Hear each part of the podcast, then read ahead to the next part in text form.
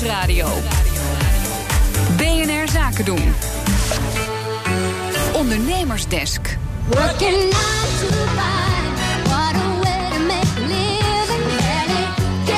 Onverwoestbaar, dames en heren. We werken met z'n allen dagelijks trouw van 9 tot 5. En dat terwijl een 20-urige werkweek volgens sommige experts een realistisch scenario is. Lotte Elbrink, die weet er meer over. 20 uur per week werken. En ziet iedereen dat zitten? Nou, dat denk ik niet. eh, want de VVD wil juist dat parttimers meer uren gaan maken. Eh Sander Schimmelpenning die schreef in de Volkskrant dat als vrouwen een uur per week meer werken... de tekorten in de zorg en het onderwijs worden opgelost. Het is geen VVD, maar de hoofdredacteur van Quote. Yes.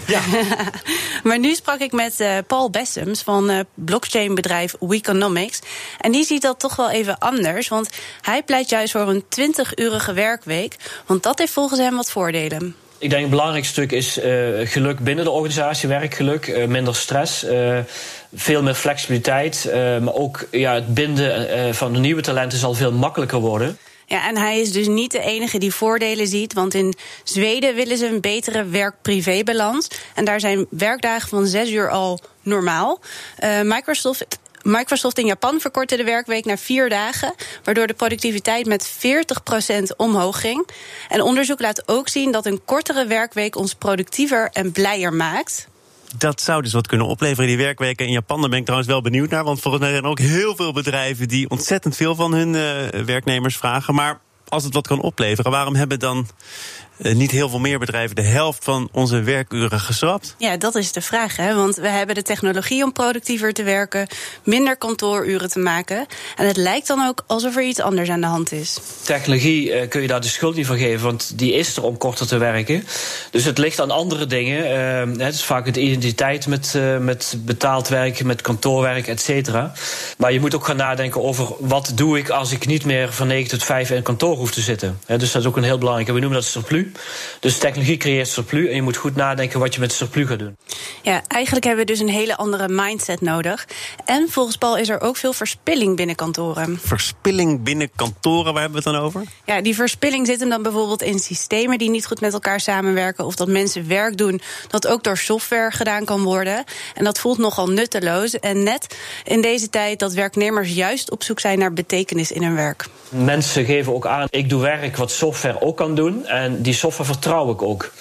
Dus die mensen weten eigenlijk dat ze werk doen wat niet meer betekenisvol is. En dat wordt nog eens extra eh, zeg maar benadrukt, omdat ze als ze naar huis gaan eh, ontzettend veel druk eh, ervaren omdat ze thuis ook nog taken moeten doen. Dus dat, dat begint gewoon te wrikken. Dus op kantoor doe je werk wat de computer ook kan doen, terwijl je thuis eigenlijk tijd tekort komt.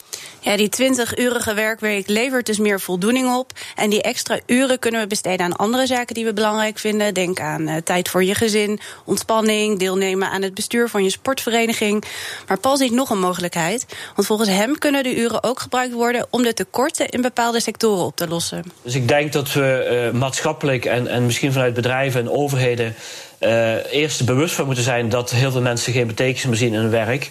En gaan faciliteren dat er een soort transitie plaats gaat vinden van eh, waste binnen kantoren naar die sectoren waar tekorten zijn. En ja, dat zijn toch de sectoren waar gestaakt wordt, waar de politiek over gaat. Maar denk ook even aan, aan de voetbalclub of veiligheid in de wijk. Of, hè, er zijn heel veel dingen waar we wat meer tijd en aandacht aan zouden willen geven. Maar die hebben we niet, omdat we in die kantoren zitten. Ja, het kan allemaal, het moet eigenlijk ook allemaal. Dus de grote vraag is, wat nu? Ja, Paul lanceerde een welvaartsakkoord, zo noemt hij dat.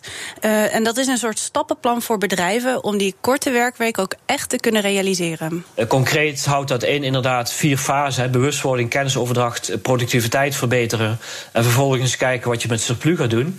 En dat doen we middels tafels. Hè. Dat kun je een beetje vergelijken met de klimaattafels. Dus wij gaan met die tafels ook uh, ideeën en actieplannen ophalen. En zo gaan we elkaar helpen om stap voor stap daar te komen. Tja, dan duurt het trouwens ook nog wel even. Maar goed, Paul Bessems van de Weeconomics hoorde je. En je hoorde ook Lotte Elbrink, dankjewel. Ik geloof dat maandag Conor Klerks er weer is, hè? Ja, en die gaat uh, vertellen wat uh, teams kunnen leren van de Special Forces. Dat is maandag. Als je nu eerdere afleveringen terug wil luisteren, dan vind je die als podcast via onze site. Ondernemersdesk werkgeluk wordt mede mogelijk gemaakt door Effectory. Effectory. Listen, learn, lead.